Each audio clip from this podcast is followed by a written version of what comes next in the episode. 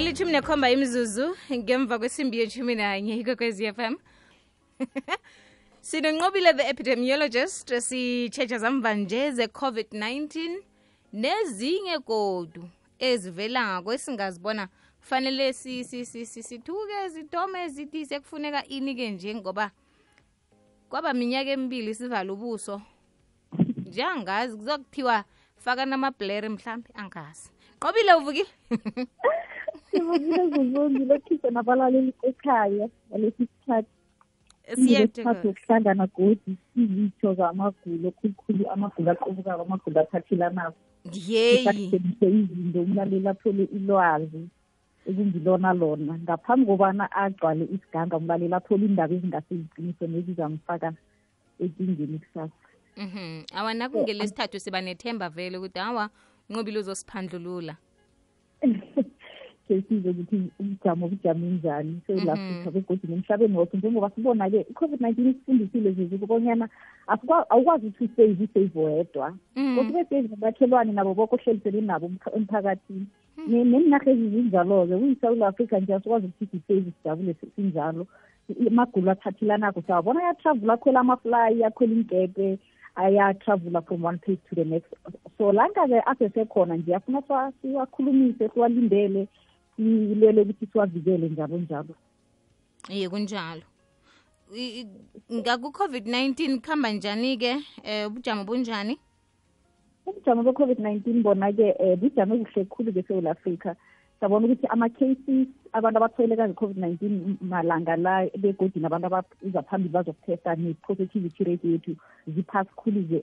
Soloko i-covid yathomako nebantu abaphuthumiselaka esibhedlela nabasithiyazo emhlabeni nokho-ke inomboro zakhona ziphasi. Abatheleke nge-covid-19 elangeni layizolo babalelwa ku-two hundred and sixty-three sabona ukuthi bakhamba ngehla kwaka-five hundred. Begodi munye-ke obalwa ukuthi ukuhambe emhlabeni elangeni layizolo nge- nge- ngesibanga se-covid-19 esewula afrika. Apha kodwana-ke um sebapheleleko bamalanga la ababale izolo bangu-thirteen. Abaphuthumisele esibhedlela elangeni layizolo bangu-nine. Sibapheleleke esewula afrika apha boke abantu aba-admitted ngalesi sikhathi abatheleke ngomntwana we-covid-19 bangu-thousand and thirty-four begodi-ke njengoba sitsho ukuthi yona-ke inomboro ze-covid-19 ziphasi khulu iyasitshengisa-ke ukuthi ayisesenamandla khulu ngendlela abikade inamandla ngakho noma zikhamba zizoproduce ama-variants icocake ukuthi i-life cycle yama-virus indaba yakuhamba yachuguluka so kungebangela ukuthi sekuhamba sikhuthaza ukuthi abantu abathole imijovo yabo bathole ama-boosters wabo babe fully vaccinated begodi hhayi nge-covid yodwa-ke ne-flu siyazi ukuthi isizini ye-flu nama-r s v virus okuma zingogwana zemikhuhlane ama-respiratory infection begodi zikhambe zibe namandla khulukhulu ebantwini abakhulu ngeminyaka noma abancane khulu ngeminyaka abantwanyana nabantu abadala. Kulapho kuziba ne-severe disease begodi nabantu abanye bagulwa ngamanye amagulo emzimbeni. Isele sazi-ke ukuthi sikhambe sabiza ngama-vulnerable population. So abantu labo-ke bayakhuthaza ukuthi bathole imijovo yabo. Umjovo wakho ye-flu nangabe ujufa wona umjovo wakho pneumonia na ujufa wona begodi nomjovo wakho we-covid-19 imijovo siyayikhuthaza khulukhulu. Siyazi ukuthi ngiye kuhambe silamulele khulukhulu emagulweni akuhamba athelelana la. Ngiyakuyizwa bese endabeni ye-monkeypox khona ngoba khe sayikhulumisa neveke kadungileko yeyi ikhulumisile begodwa ngiyacabanga umlaleli ibonile ukuthi kuhambe isewula afrika yaba ya-identify noma yathola um umuntu wesithathu Mm, bezesihlala mm. ababili. Omunye yase-western cape omunye yase-gauteng begodi sinamngo wesithathu begodi esimkhulumisa ukuthi utholakale elimpopo. So godi siyakuhamba sikhulumisa kulamagula athathelanako angeke wakhona usayena asayatravula akuhambeni njengoba athola ithuba lokuhamba so umuntu esithathu utholakele ukuthi nokho selimpopo-ke um begodi into esi- esitshoko nge-monkeypox ukuthi i-transmission rate noma ubungozi be-transmission bukhasanyana bona. Nasikhamba sizoyimatanisa nabo-covid nemikhuhlane namanye ama-viruses njengobana ayikakavami ukuthi umuntu onganamathwayo athelele abanye abantu. So umuntu ukuthi athelele abanye abantu kudinga ukuthi um irhubhululo kwandeli itshengisa ukuthi umuntu nakanamathwayo kulokhu angingathelela abanye abantu. Ngalokho-ke ngikho-ke kuyakhonakala-ke ukuthi nokho-ke um nikhandele umuntu nakayocubuka irasi akhona leya-ke acubuka amathwayo wakhona i-monkeypox bekabe confirmed ukuthi uyakhona-ke ukuthi azi-isolate-ke azame ukuthi angatheleli abanye abantu. So ngisibange sobo ukuthi nokho-ke ukuthi umuntu athelele khulukhulu abanye abantu vane-ke kufuneke ukuthi abe namathwayo. Siyakhona siyakhona ukuthi siyipredict begodi siyivikele. So kuyaxwayiswa-ke woke umuntu osekhaya elalele ukuthi nangenze kube namathwayo we-monkeypox. Angeba ngicobeke ama-rush uyaphuthuma msinyana ukuthi uthole i-diagnosis yakho noma kudokotela noma emtholapilo-ke. Begodwa nawube yi-confirm case uhlalela kemva noma-ke naninomuntu enibona ukuthi uyagulagula begodwa ziba nama-rush layo angathi ahlobana ne-monkeypox naye ifuna ahelejeke ukuthi ahlale ekhaya angagcwali istrada begodwa aphole angatheleli abanye abantu athukeleni nabo kezwakala khe sithengise sibuye kodwa siragele phambili. Inyanga kavela bahlinze ngeyokukhumbuzana ukuthi siyelele ngokugula komkhumbulo okufana ne-anxiety namkha i-panic attack okulivalo elibangwa lilize. Abantu abanalobu bujamo bahlala bahlubayezekile banevalo lokwenza izinto. Kubaliye ekuphumeleliseni amabhudango wabo hashtag tjheja ikwekwezi fm imbombela namaphethelo. ku-96.8 kukhanya imashumi amabili nantathu imzuzu ngemva kwesimbi yeshumi nanye kwekwezi fm kukhanya ba ukhona umdlalo womoya wesihloko esithi osemsamo limphosa emnyango. Imzuzu na imashumi amathathu ngemva kwesimbi yeshumi nanye njenganje sisakhambisana nenqobile the epidemiologist sitshetsha zempilo sithome lapha nge-covid-19 um sakhuluma nge-monkeypox. Nasenye indaba. Hey. Yazi indwezi sizibonela kude le besifake nempopolo siqale sithi nasiyayiza ngapha khani sibaleke? Sekunokhunye msokukhulunyiswako ngegana uh batsho yi-marburg virus ne? Kwenzakalani-ke nqobile? Sithuke senze njani? Eh yini lezako i-marburg virus yazini i-marburg virus le-ke yona-ke um nokho um i-virus ekose vele is concerning noma-ke iyasikhathaza khulu begodi kokuthoma-ke igana ibana nasi i-virus ebikwako le. Begodi i-case akhona ngilezi amagulo abungozi kangangokuthi nakunomuntu munye obizwa ukuthi nayo already sibiza i-outbreak sakhona ukuthi i-outbreak yangokuthi zigulo okuzani kunamandla angangani kubulala kangangani kuthelelana kangangani. Ngenxa yalokho-ke kuyakwazi ukuthi abantu nabangakho sizathi i-outbreak. Kodwana kugula ekufana nama-ebola nama-marburg virus bese umuntu munye yedwa kuleyo narha leyo nange abanayo sibiza outbreak already. Ifana nempolio zigulo nokho okubungozi. So kube namakhesi amabili abantu ababili abatholakale babe ne-marburg virus eghana. um babike ngem-twenty seven zakajuni omunye ngem-twenty-eight begothi into ebuhlungu ukuthi bobabili-ke sebele bakhambile emhlabeni omunye lo ufude ngelanga lokuthomelo atholakale ngayo asakumiza ngayo isibhedlela-ke omunye umndeni namhlanje esibhedlela wakuhamba kusasa kwakhona so zimu i-contact tracing sakhumbula-ke ukuthi na kunamagulo athathelanako vane-ke ama-experts we-health akuhambe ukuqalisisa ukuthi abantu aba bakhambephi bakuziphi begosi bokuqalisisa ukuthi bathinteni nabobani kuthathwa abantu labo-ke ababe-exposed to abantu abagulako aba nabakhambile emhlabeni.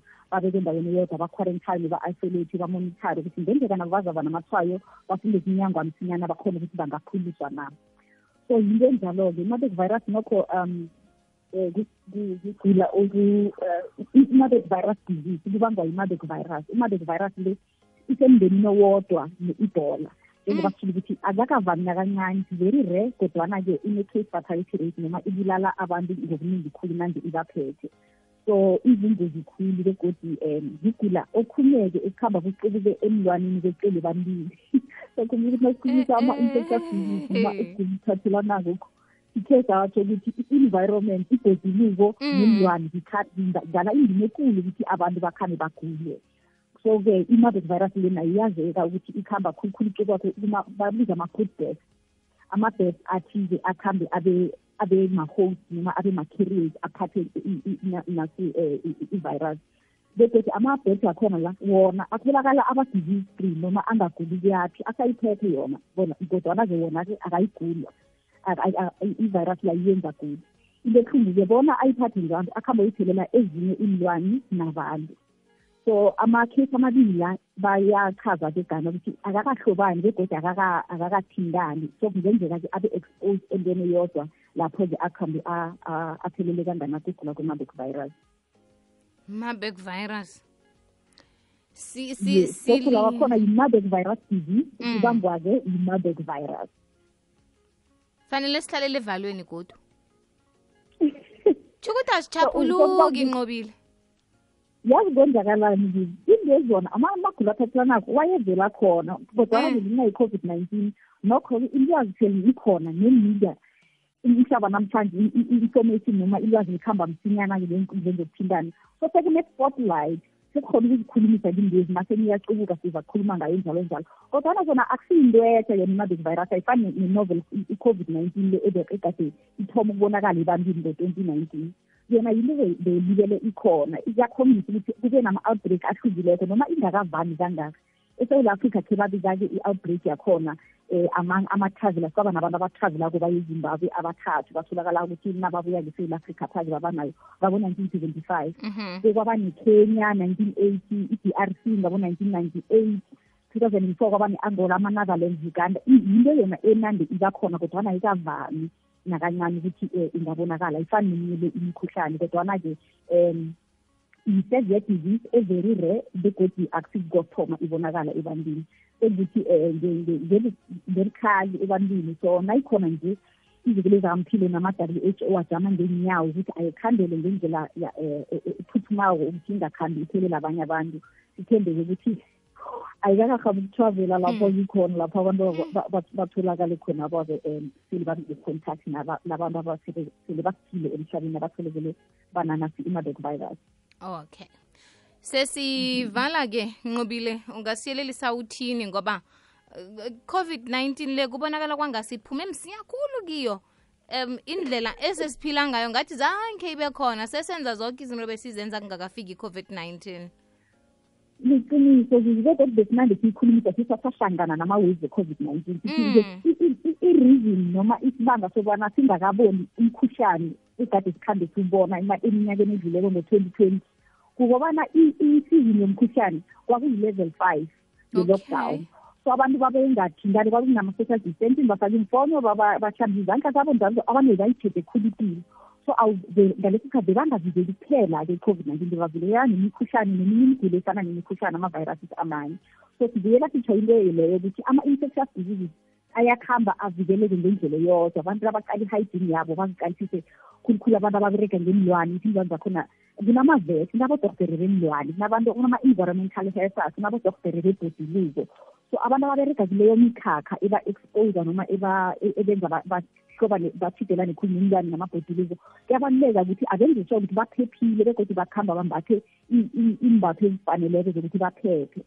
Nje-ke thina sibabantu siyaqalisa nje ukuthi i-marburg virus le umuntu wakhona umthola nange imphethe-ke from kuma-birth life. Uyophelela abanye abantu njengema-monkeypox lokha-ke nawuba nababa ne-direct contact nama-fluids wakho mhlawumbe ligazi mhlawumbe ama- ama-body fluids njengoba siwazi so kuyacaca-ke ukuthi abantu siyazithetha-ke ukuthi awuthidelani nabantu aba- aba- abagulako njalo njalo. Nomuntu ogulako uhlalele emuva akaba- akaba- um akuhamba azibandekani nabanye abantu njalo njalo. Sikhulume ukuthi amagulo khulukhulu a- athathelanayo la ayakuhamba avikeleke ngendlela eyodwa njengoba bevikela ngakho i-covid-19. So abantu Yazwakala. bayaqayisa-ke ukuthi izithethe asese i-risk yakho. Nawuyala kuthi khona kulungile ukuthi um iziko lezamphiko lithe ungafaki isifomo akutho ukuthi kurong ukusifaka nabona Mhm. kufanele wena ngathi kule bungozi ungaqhubeka usifake. Khulukhulu i-hygiene kuhlanzeka asiqhubeke sihlanzekise njalo njalo. Kuzokele nqobile sithokoze khulu ngesikhathi sakho nelwazi osabelelwana ngitsho? Sithokoze mkhulu ngathi